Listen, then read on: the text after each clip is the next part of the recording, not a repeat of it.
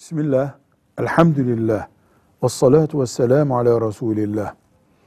Kiracının, dükkan veya ev kirası, kiracısının peşin ödeme yapıp, peşin ödemenin karşılığında mesela 5 ay parayı toptan peşin verip, karşılığında da 6. ayı sen de benden alma dese, yani peşin ödeme yaptığı için kontratın dışına taşarak peşin ödeme yaptığı için bir ayı düşürmesi ya da kirada indirim yaptırması caiz midir?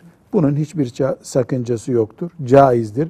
Böyle bir anlaşma yapılabilir. İki tarafında menfaatine göre bu yapılır. Bu faiz işlemi değildir. Velhamdülillahi Rabbil Alemin.